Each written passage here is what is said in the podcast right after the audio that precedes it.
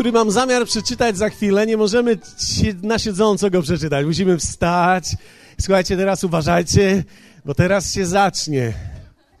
Ja myślę, że teraz się zacznie. Uwaga. W Mateusza 4,17, zaraz się pojawi to na ekranach, na wszystkich waszych iPadach i telefonach.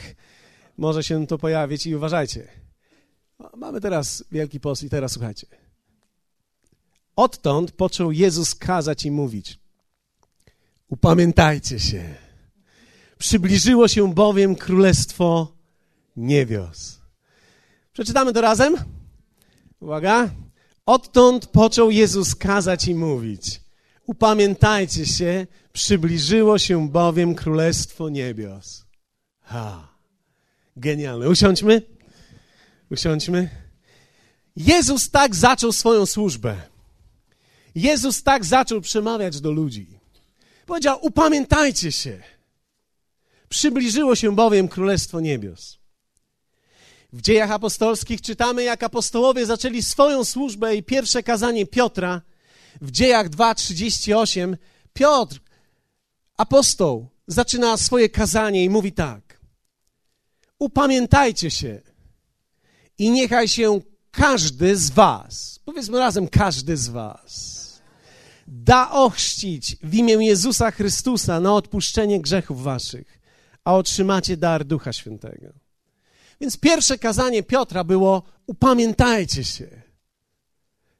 Jezus zaczął służyć i głosić, mówiąc: upamiętajcie się. Czytamy dalej w dziejach 20, kiedy apostoł Paweł wychodzi na scenę i część jego kazania jest taka w wersecie 19 rozdziału 20 mówi tak: I jak służyłem Panu z całą pokorą wśród łez i doświadczeń, które na mnie przychodziły z powodu zasadzek Żydów, jak nie uchylałem się od zwiastowania wam wszystkiego, co pożyteczne, od nauczania was publicznie i po domach, wzywając zarówno Żydów, jak i Greków do upamiętania. Upamiętania się przed Bogiem i do wiary w Pana, naszego Jezusa. Zobaczcie, Jezus tak zaczął, mówił, upamiętajcie się. Piotr mówi, upamiętajcie się. I apostoł Paweł, kiedy reasumuje swoją służbę, mówi, to co robiłem, wzywałem wszystkich pogan, Żydów, Greków do upamiętania i do wiary w Pana Jezusa Chrystusa. Wiecie, kiedy ja dojrzewałem, dorastałem, słowo upamiętanie kojarzyło mi się fatalnie. Ja myślę, że większość z Was, kiedy słyszy, a widzę to po twarzach, kiedy słyszysz słowo upamiętajcie się, to ono budzi w nas dokładnie takie same odczucie, jakie ja miałem, gdy dorastałem. Dlatego, że kiedy ja słyszałem słowo upamiętajcie się albo pokutujcie, to mój obraz był taki, teraz muszę zesmutnieć. Teraz muszę posmutnieć, teraz muszę się załamać, najlepiej załamać się nad sobą. Muszę w tym momencie być osobą, która posmutnieje, zwiesi swoją głowę jak sitowie, ponieważ muszę się upamiętać. Inaczej mówiąc, muszę pomyśleć, jaki to zły nie jestem, jakie to fatalne rzeczy nie robię. Przez cały rok bałaganiłem, a teraz w Wielkim Poście muszę się upamiętać w końcu. Muszę się w końcu upamiętać, żeby się w końcu jakoś tak wyczyścić, żeby mnie oczyściło i żebym stanął w tej nocy zmartwychwstania w miarę taki ok, żebym mógł później po zmartwychwstaniu znowu wrócić jak żaba, która wyszła, żeby wziąć oddech z powrotem do mojego błota życia. I wtedy będę tam w tych szuwarach dalej pogłębiał się, aż znowu na Wielkanoc wyjdę a to wszystko będzie związane z tym, że ja się upamiętam, załamię nad sobą, nad swoim życiem, skruszeję. I to kojarzyło mi się ze smutkiem, kojarzyło mi się z ciągłym biciem siebie po głowie. Myślę, że tak jak wielu ludzi nie rozumiałem czegoś, co ma tak niesamowite jednak znaczenie w życiu. Dzisiaj widzę upamiętanie w nowy sposób. I myślę, że o wiele bardziej prawdziwy jest ono dla mnie niesamowitą mocą ku rozwojowi w życiu. Upamiętanie jest genialne.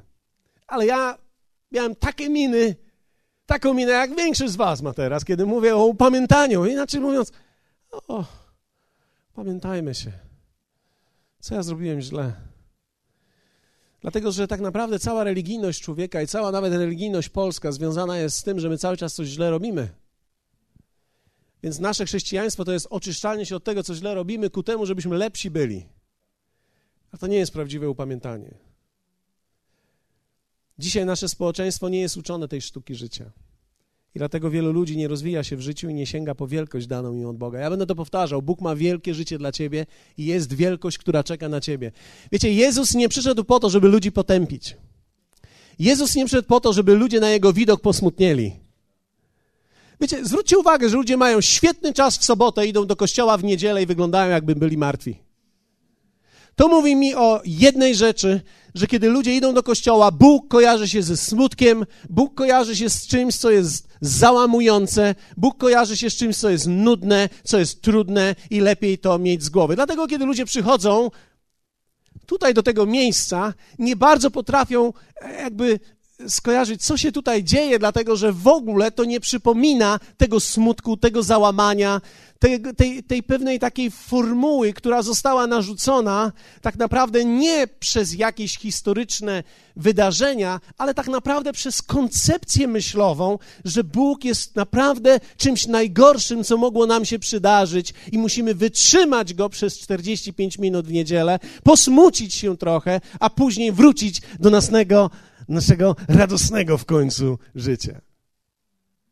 Tymczasem Dawid, kiedy mówił o kościele, wiecie, Dawid, kiedy żył w tych czasach, on miał troszkę inne pojęcie kościoła, ale on mówił tak: Uradowałem się, gdy mi powiedziano, pójdziemy do domu Pana.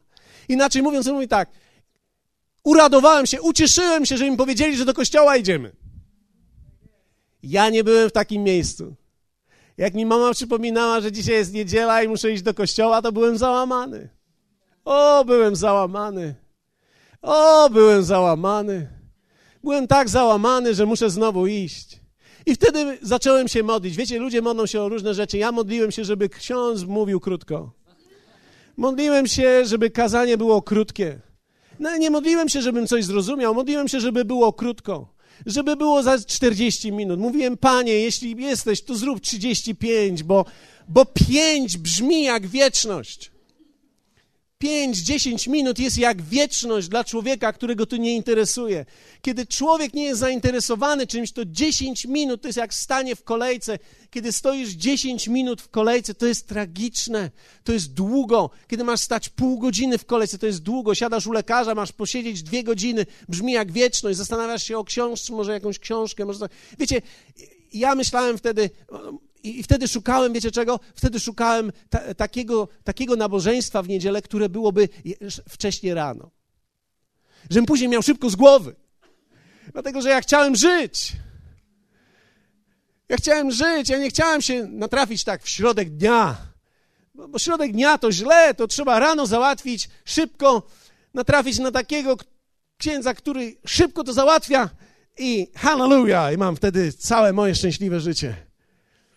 Jak ja nie lubiłem tych okresów, kiedy wszystko było, pamiętajcie się, bo to były długie wtedy spotkania. Trzeba było rozważać swoje tragiczne życie. Wiecie, nikt nas nie uczył tak naprawdę prawdziwego upamiętania, nikt nam nie wyjaśnił, czym ono naprawdę jest.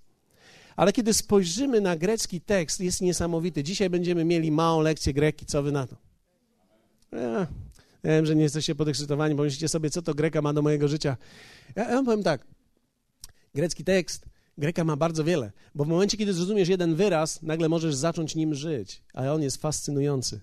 Słowo greckie upamiętanie to jest greckie słowo metaho, metaneho,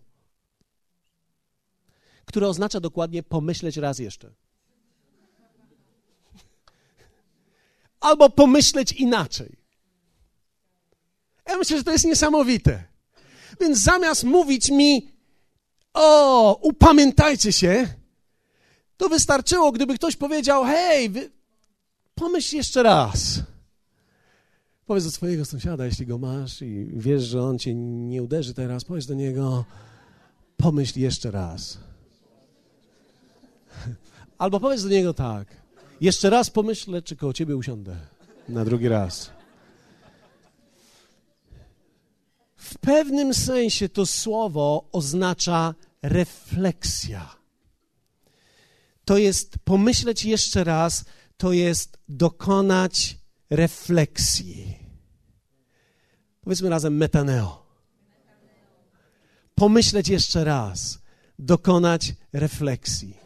Wiecie, ja wierzę w to, że Jezus przyszedł z planem dla życia każdego człowieka. I kiedy On przyszedł wtedy na ziemię, 2000 lat temu, jedną rzecz, którą Jezus miał na myśli, to jest, jak rozwinąć życie ludzi. Ja przyszedłem, Jezus powiedział, nie ukrywał tego, On powiedział tak, ja przyszedłem, aby miały życie i aby obfitowały w tym życiu. Zwróćcie uwagę, że Jezus nigdy nie mówił, ja przyszedłem, żebyście do nieba poszli. Nigdy. Dlatego, że Jezus nigdy nie zaczyna nieba po śmierci. Jezus zaczyna ży- niebo w życiu człowieka od życia. Dlatego powiedział: Ja przyszedłem, aby miały życie i to życie obfite. Więc, aby miały życie obfite, aby się rozwijały, aby na, dokonały właściwych decyzji w rozwoju swojego życia, oni muszą zacząć od tego, co jest metaneo. Inaczej mówiąc, muszą zacząć od refleksji. Powiedzmy razem refleksja. Nie reflux, refleksja. Nic dziwnego, że jest to moc do rozwojowego życia. Jest to bowiem sztuka ponownego rozpatrzenia opcji, co zawsze prowadzi do lepszych wyborów w życiu.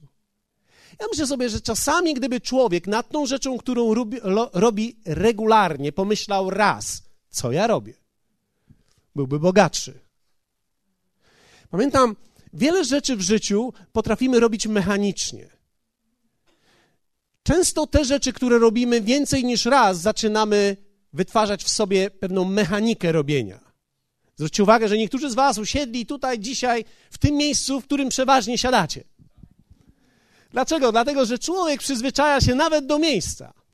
Oczywiście z wyjątkiem tych, którzy są dzisiaj pierwszy raz. Większość z nas, która jest, przychodzi tutaj w miarę regularnie, siadamy mniej więcej w tym miejscu, w którym siedzieliśmy ostatnim razem. Czasami zmieniamy, ale większość z nas oscyluje w tym samym miejscu, bo się przyzwyczajamy do widoku, do słuchania, to jest to brzmienie.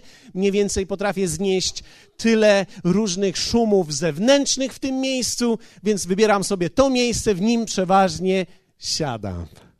Dlaczego? Dlatego, że więcej razy, kiedy coś robimy, zaczynamy być w tym mechaniczni pewien nawyk się tworzy. Ale w momencie, kiedy pomyślimy o każdym nawyku jeszcze raz, on nas wzbogaca, bo sprawia, że możemy coś zmienić, że możemy czegoś dokonać innego. Czasami ktoś przyzwyczai się do siedzenia na końcu i za filara łypie na mnie jednym okiem.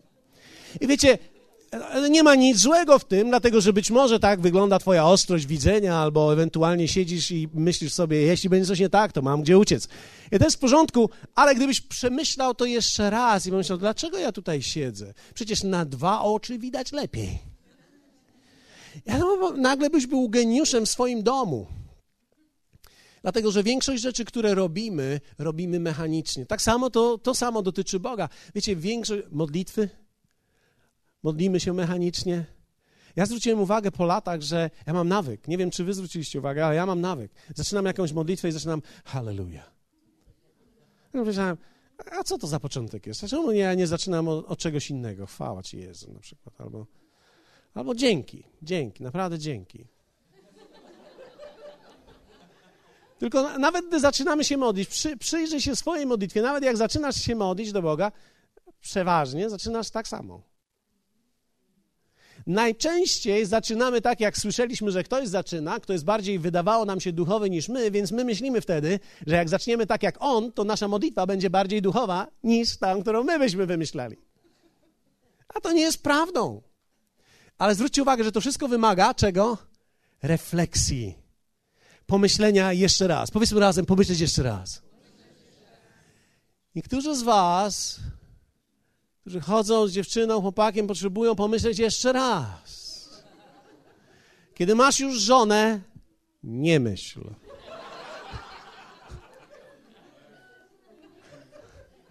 A kiedy będziesz miał moment na metaneo, w momencie, kiedy jesteś w małżeństwie, zabij ten moment. Dlatego, że bardzo dużo zależy od tego, w którym momencie będziesz dokonywał tej refleksji. Kiedy to będzie dołowy moment, dolny moment, dokonasz refleksji i pomyślisz, hmm, hmm, hmm. Niedobrze. Niedobrze. Tak samo i żono, nie mów nigdy do męża, ciągle popełniasz błędy, ciągle popełniasz błędy, ty ciągle popełniasz błędy. Nie kuś go, żeby się zastanawiał. Dlatego, że pewnego dnia zobaczysz go, jak przegląda wasz album ślubny. On powie, rzeczywiście, ja ciągle popełniam błędy.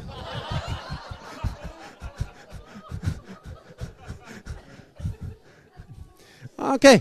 Co jest przeciwnikiem metaneo? Co jest przeciwnikiem refleksji? Co jest przeciwnikiem refleksji? Niektórzy, którzy oglądają programy, jesteśmy już kilka lat w telewizji, ale ja słuchałem różnych opinii i różnego rodzaju tych rzeczy, które się działy. Ktoś, rzadko kto zaczyna oglądać nasz program celowo. O, obejrzę program z Wody Życia. Nie. Przeważnie jest to tak, że leci Max, oglądasz wiadomości, idziesz, robisz sobie herbatę i wchodzi tam Woda Życia i ktoś zaczyna oglądać i słyszy jakieś zdanie. A co, o co tu chodzi? I jeśli człowiek nie chce dokonać refleksji, musi szybko przełączyć. Dlatego, że wszystko, cokolwiek słyszy i widzi, będzie budzić w nim kontrowersje i będzie wzmagać w nim poczucie konieczności podjęcia pewnej refleksji, zastanowienia się jeszcze raz. Więc najlepiej szybko przełączyć. A ten, kto na nieszczęście nie przełączy i zastanowi się, to go trafi. I będzie z nim chodziło i będzie ten człowiek musiał dokonać refleksji. Ale jest coś, co jest przeciwnikiem refleksji i między innymi, po pierwsze, przeciwnikiem refleksji jest samozadowolenie. W Ewangelii Marka w drugim rozdziale, w wersecie 17 Jezus powiedział tak. Usłyszawszy to, rzekł im, nie potrzebują zdrowi lekarza, lecz ci, co się źle mają. Nie przyszedłem wzywać do upamiętania sprawiedliwych, lecz grzeszników. Wiecie, kiedy człowiek jest zadowolony i wszystko idzie dobrze, on nie musi dokonywać żadnych refleksji. Co jest oczywiście błędem. Dlatego, że zasada zwycięskiego życia jest taka, że kiedy coś idzie dobrze, powinieneś się nad tym szybko zastanawiać, żeby to zmieniać. Dlatego, że jeśli się nie zastanowisz i nie zmienisz, będziesz szło coraz gorzej. Bo życie nigdy nie idzie cały czas dobrze. Więc kiedy masz dobry moment, nie czekaj na kryzys, i już się zastanów, bo kiedy się zastanowisz w momencie, kiedy jest dobrze, masz trochę więcej czasu. Kiedy jest źle, to jest tak, jakbyś leciał samolotem, samolot się popsuł i trzeba go szybko naprawić. Masz wtedy ograniczoną, ograniczony czas, ograniczony okres, moment, ale samo zadowolenie jest zabójcą refleksji. W pewien sposób ja ciągle muszę w sobie tworzyć pewien głód ku temu, żeby się rozwijać i coś w moim życiu zmieniać i, i pójść za nowymi rzeczami, dlatego że rozwój jest cechą życia prawdziwego. Kiedy człowiek ma 40 lat, powinien chcieć się rozwijać. Nie kiedy ma 20, kiedy masz 40, sięgać po nowe. Kiedy masz 50, jeszcze bardziej. Dlaczego? Bo już parę rzeczy wiesz więcej. Kiedy masz 60, powinieneś biec pełnym pędem. Kiedy masz 70, ludzie nie powinni cię już prawie widzieć. Kiedy masz 80, powinni tylko sprawdzać, gdzie ty jeszcze jesteś. Kiedy masz 90, powinieneś być jak błyskawica. Kiedy masz 100, powinieneś przekroczyć czas i zniknąć.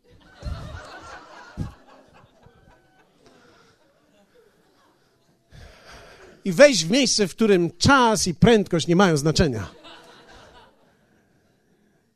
Jest niesamowite, jak niewielu ludzi chce się rozwijać w życiu i rozwijać swoje życie. O, co byś chciał od życia? Dom, samochód, jacuzzi, wakacje. To jest nudne. To jest po drodze. To nie jest cel. Co zrobisz, jak sobie już kupisz swój wielki samochód? Będziesz szukał dobrego paliwa.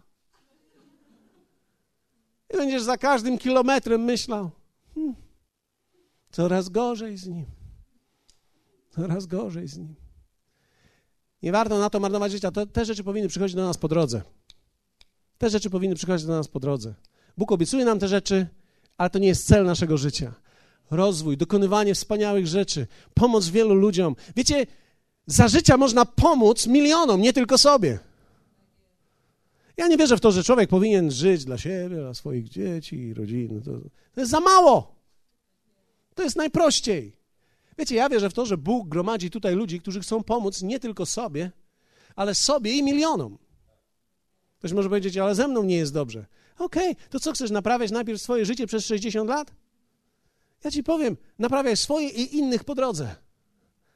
Dlatego, że my nie staliśmy się doskonali, aby komuś pomóc, ale wraz z naszym rozwojem życia pomagamy wielu ludziom, aby odnaleźli sens życia, aby odnaleźli rozwój życia, aby byli tym wszystkim, kim Bóg chciał, żeby byli. Więc nigdy nie bądź samozadowolonym, dlatego że samozadowolenie niszczy w nas refleksję. Samo usprawiedliwienie również. W Ewangelii Łukasza w trzecim rozdziale, w wersecie ósmym czytamy tak. Wydawajcie więc owoce godne upamiętania. To Jezus mówi a nie próbujcie wmawiać w siebie ojca, mamy Abrahama. Powiadam wam bowiem, że Bóg może z tych kamieni wzbudzić dzieci Abrahamowi. Jezus mówi do Żydów: Nie próbujcie wmawiać w siebie. Samo usprawiedliwienie, które było w Żydach, w faryzeuszach, w sadyceuszach sprawiało, że nie mogli pójść za Jezusem, który chciał dać im obfity rodzaj życia, który chciał rozwinąć ich życie, który nie chciał, aby pozostali tylko w formule religijnej, ale chciał, aby poszli dalej i rozwijali swoje rodziny, swoje domy, aby wpływali na tysiące i setki ludzi, którzy byli wokół nich. Ale oni mówili: Z nami jest wszystko dobrze, naszym ojcem jest Abraham. Zastanawiam się, jaka wymówka jest w Polsce. I powiem wam, w Polsce u nas my wmawiamy w siebie to. Byłem ochrzczony jako małe dziecko.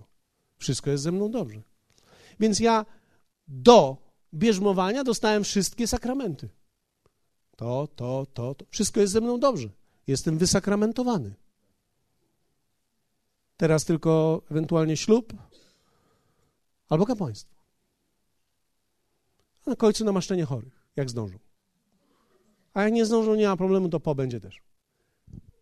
I, I my wmawiamy w siebie, że z nami wszystko jest dobrze i nie dokonujemy refleksji serca, bo patrzymy na naszą historię.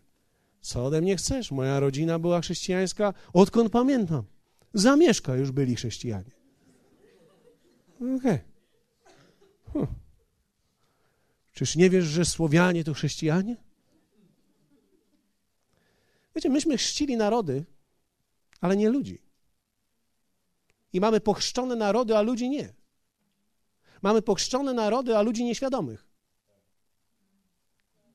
Co z tego, że państwo my ochrzcimy, jeśli człowiek dalej w swoim sercu z jest od Boga? Co z tego, że ustanowimy chrześcijaństwo naszą narodową religią?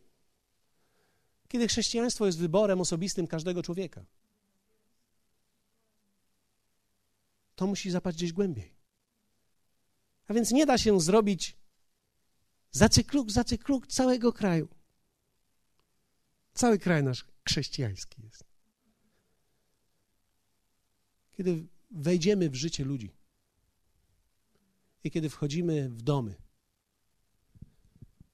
ten śpi z tą, ta z tym i ta z tą, ten z tym,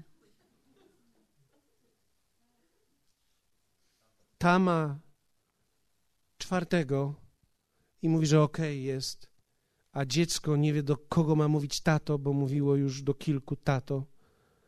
A, ale my wszystko jesteśmy chrześcijanie.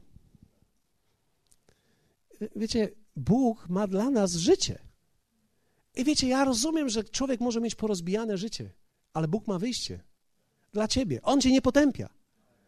Wiecie, niektórzy z nas, będę odważny, ale powiem to, niektórzy z nas dzisiaj w tej nocy nie spali we właściwym łóżku. I to jest w porządku. Ja nie sądzę, że Bóg ma taki wielki problem z tym łóżkiem dzisiaj, a On chce zmienić Twoje życie, nie tylko Twoje łóżko i Twój adres. On chce najpierw zabić wewnątrz Twojego serca, On chce bić tutaj. I dopiero wtedy stąd, ze środka, zaczyna się nowe życie. Więc nie wmawiaj siebie nic. O, ja to z dziada, pradziada chrześcijanin jestem. Bóg nie ma żadnych prawnuków. Bóg ma tylko dzieci. Powiedz do swojego sąsiada, nie wiem, czy jesteś wnukiem Bożym.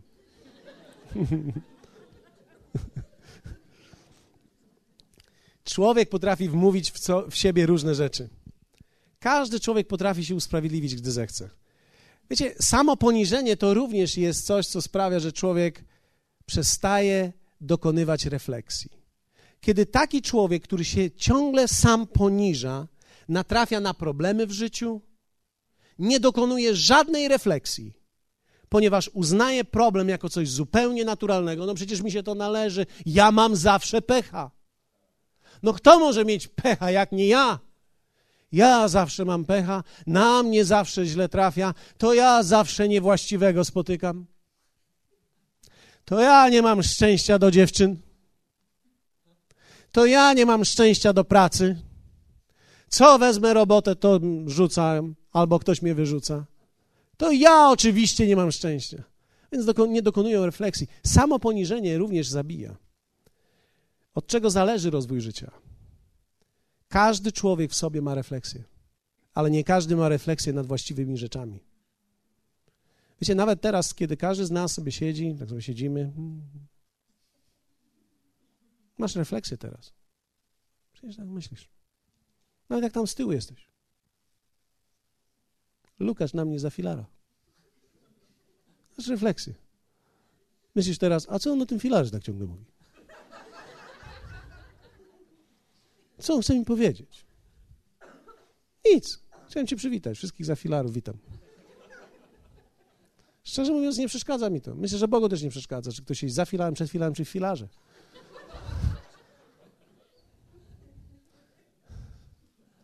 Można siedzieć blisko, sercem być daleko, można siedzieć daleko, sercem być blisko. Można w nieskończoność rozmyślać o różnych rzeczach, takich jak na przykład moje złe decyzje, które podjąłem. Wiecie, wielu ludzi męczy się ze złymi decyzjami, które podjęli wiele lat temu. Stracone okazje. Albo wspominać, jak ktoś nas skrzywdził. Patrzysz na zdjęcie i myślisz sobie, och. Hmm. Wchodzisz na Facebooka i mówisz, hmm. a ci jeszcze żyją.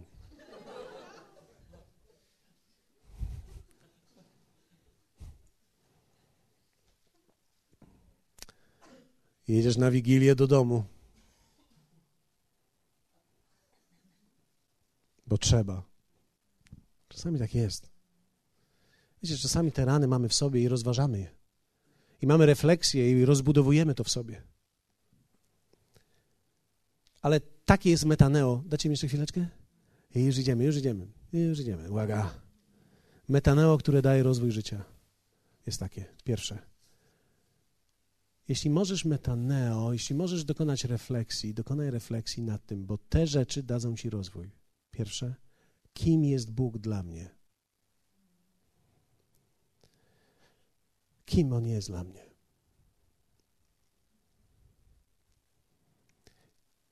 Kim On jest dla mnie? Kim jest Bóg dla ciebie? Niektórzy ludzie żyją całkowicie bez świadomości Boga. Mówią, Boga nie ma, ja jestem Bogiem. Mam na imię Grzegorz. Cześć. Staś mi. Nie ma Boga. Zobacz, co się dzieje. Japonia, trzęsienie. Nie ma Boga. Gdyby Bóg był. Są tacy ludzie, którzy tak myślą. Okej. Okay. To jest jakaś filozofia. Całkiem popularna. Można też żyć ze świadomością Boga. Bóg jest. Jest. Na pewno jest. A babcia mówiła, że jest. A mama mówiła, że jest. Jest. No, musi być, no. No co to byłby za świat bez Boga? To czyni ciebie człowiekiem religijnym. Jeśli Bóg jest, no to się go boję. Bo kiedyś go zobaczę. A to może nie być dobry widok. Znaczy mam na myśli nie ja, że będę się wykręcał, ale że gdy ja tam stanę, on się wykręci. Więc któregoś dnia ja będę musiał stanąć przed nim, więc na wszelki wypadek, na wszelki wypadek muszę to jakoś uregulować, więc powinienem być w miarę dobry. Religijny człowiek potrzebuje pewnego minimum. Więc jakie jest minimum Boże, które potrzebuje wykonać, żeby było ok z Tobą, gdy się spotkamy? Obyśmy się nie spotkali tak szybko. Ale w końcu się musimy spotkać, bo takie jest życie. No więc wtedy słyszysz. Raz do roku. Raz do roku, nieźle. Okazuje się, że później raz do roku to i tak jest ciężko. Ale niech będzie. Co jeszcze? Co tydzień trzeba chodzić do kościoła. No. A co któryś tydzień? Zaczynasz negocjować. Fajnie będzie co któryś tydzień. Robota jest, robota jest. No, dużo pracować trzeba. Na siłowni. Wiele pracy, wiele pracy. Można żyć ze świadomością Boga troszeczkę bardziej, tak, kiedy człowiek już ma 60-70 lat, to już zaczyna tak trochę, chyba sobie normalnie różanie skupię. Ja nie będę go odmawiał, ale sobie go powieszę na lusterku w samochodzie. Normalnie mnie będzie ten krzyż szczek. Normalnie szczek mnie będziesz krzyż.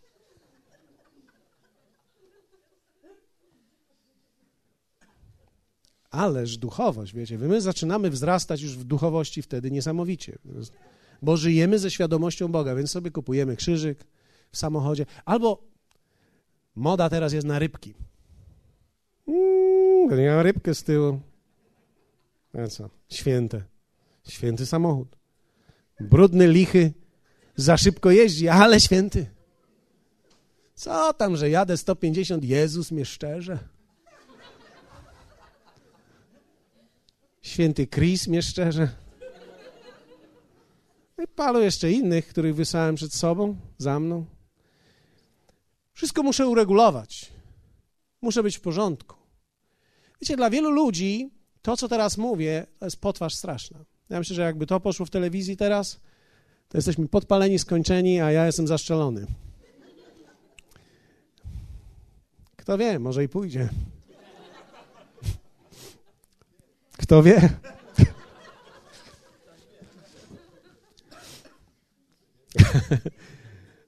Wiecie, w pewnym sensie Artur może wykończyć mnie w ciągu jednego dnia. Wystarczy tylko, że wypuści program,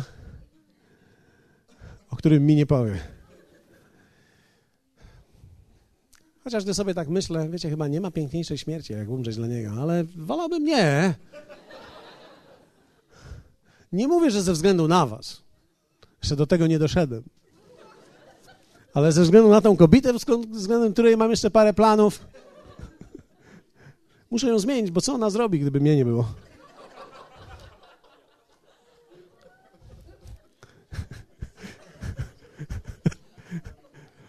Obiadu nie ma i nie było i nie będzie. Można żyć ze, ze świadomością Boga. Więc człowiek wtedy uporządkowuje swoje życie. A do kościoła trzeba zajrzeć, to, to sprawy poważne są. W Mielnie trzeba wziąć od podpitego gościa obrazek z papieżem, bo przecież to też święte, nie może się zmarnować. Mieliście takich, którzy rozdają? Panie. Myślałem sobie, to nie jest dobra reklama. To wymaga jakiegoś szacunku do ludzi, którzy dokonali wielkich rzeczy. Ale wiecie, nawet tacy ludzie jak pijani ludzie będą manipulować strachem i religijnymi uczuciami po to, żeby zarobić 5 zł i mieć na kolejne piwo. Ale można też zupełnie inaczej. Dokonać refleksji, kim Bóg jest dla mnie i rozpoznać, że On nie chce być Bogiem. On chce być Panem. Posłuchajcie mnie, bo teraz powiem coś, co, co trochę skrzywi nasze uszy.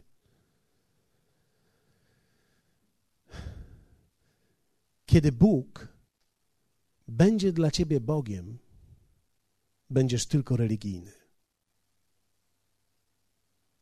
Ale kiedy stanie się Panem,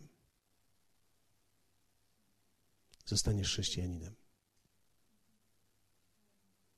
i Jego dzieckiem, prawdziwym Jego uczniem i zaczniesz rozwój życia. Bóg nie rozwija życia ludzi. Pan tak. Czy zwróciliście uwagę, że wszystkie religie, które uznają, uważają i wielbią Boga, zatrzymały się w rozwoju? Jedźcie do Indii. Oni wam powiedzą, już od czterech tysięcy lat ten łysy gość rządzi nami. Dlatego mają to, co mają dzisiaj i nie mogą się rozwinąć. Bo ten lekko łysy, przytłusty Bóg nie jest w stanie ich rozwinąć, jest w stanie tylko ich zatrzymać. Ale prawdziwy Bóg, który stanie się Panem w sercu, jest w stanie Cię poprowadzić i rozwinąć. Wierzcie mi, kiedy Bóg stanie się i będzie tylko Bogiem, to lepiej, gdy jest Bogiem, niż w ogóle żyć bez świadomości Boga, chociaż szczerze mówiąc, nie wiem. Gdybym miał dzisiaj wybierać, czy wolę rozmawiać z kimś, kto ma świadomość Boga, czy z kimś, kto nie ma świadomości Boga, to chyba szybciej przekonuję tego, kto w ogóle żyje bez Niego i nie ma świadomości Jego. Bo ten, dla którego Bóg jest tylko Bogiem, on będzie bronił swojej religii jak pies swojej kości. Spróbuj mu ją odebrać. Ja mam Samsona, takiego małego psa, on jest waleczny. A mu dasz kość i on chwyci tą kość, to podniesie, pod, próbując wyrwać mu, no, ja podnoszę z nim razem. Mogę go nosić tak. No mówię, chłopie, ty się zastanów. Ale psy nie mają refleksji. No mają tylko refleks. Więc możesz go nosić. I to jest dokładnie tak samo z religijnym człowiekiem. Kiedy dotkniesz jego kości, to on jeszcze bardziej zaciska zęby. Hmm. Na szczęście nie jesteśmy psami. Mamy refleksję. Jeśli Bóg pozostanie tylko Bogiem dla ciebie, będziesz religijny. Ale kiedy uczynisz go Panem, wejdziesz na drogę rozwoju życia. Dopiero wtedy, kiedy on stanie się Panem, wszystko się zmieni i ruszy do przodu. Apostoł Paweł w liście do Rzymian mówi tak: Ale co powiada pismo? Blisko ciebie jest słowo, w ustach Twoich i w sercu Twoim. To znaczy słowo wiary, które głosimy. Bo jeśli ustami swoimi wyznasz, że Jezus jest Panem, i uwierzysz w sercu swoim, że Bóg wzbudził go z martwych, czyli że żyje, zbawiony będziesz. Dlatego dla wszystkich ludzi, którzy Boga mają jako Boga, nie mogą dostąpić zbawienia. Bo zbawienie dopiero przychodzi, kiedy Bóg staje się Panem. I rozwój życia zaczyna się wtedy, kiedy Jezus staje się Panem. Bo Panem to oznacza, że On ciebie prowadzi. To oznacza, że podążasz za Nim. To znaczy, że Go nie odwiedzasz jak starą babcię. Wybaczcie wszystkie babcie. Nie stare babcie. Czy, czy jesteście ze mną? Niektórzy traktują Boga jako prawie że marłe, umarłego w hospicjum. Idę go odwiedzić. Już dawno u niego nie byłem. Mam wyrzuty sumienia. Bóg nie chce, żebyś miał wyrzuty sumienia.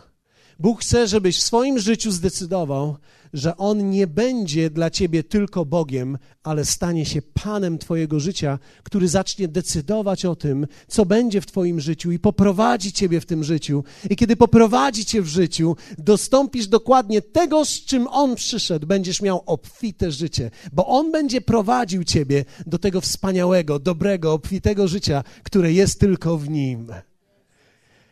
Dzisiaj chciałbym, żeby każdy z Was, kto jest tutaj w tym miejscu, zdetronizował Boga tylko z miejsca Boga i umieścił go wyżej na miejscu Pana. Zwróćcie uwagę, że ludzie, którzy mają Boga jako Boga, w dalszym ciągu są Panami. Oni sami. Czyli ja mogę mieć Boga jako Boga i uznawać Boga jako Boga, ale w dalszym ciągu kto jest Panem? Ja ale w momencie, kiedy mój Bóg staje się moim Panem, ja przestaję być Panem i podążam za Nim. I to jest życie rozwojowe. I to jest coś, do czego chciałbym zachęcić Ciebie dzisiaj. To oznacza dokładnie refleksja. Refleksja to jest, kim Bóg jest dla mnie. Czy jest dla Ciebie nikim? Przyszedłem, żeby zobaczyć, jak tu grają, albo zobaczyć, jakie dziewczyny są, albo kto tam wpadł jeszcze, albo czy przyszedłem, żeby zobaczyć, czy, czy przyszedłem do Boga? Czy przyszedłem, aby spotkać się z moim Panem i uczynić go moim Panem? Tylko wtedy, kiedy Bóg wejdzie na miejsce Pana, rozwój życia się zacznie i ty zaczniesz się zmieniać. Ustańmy razem.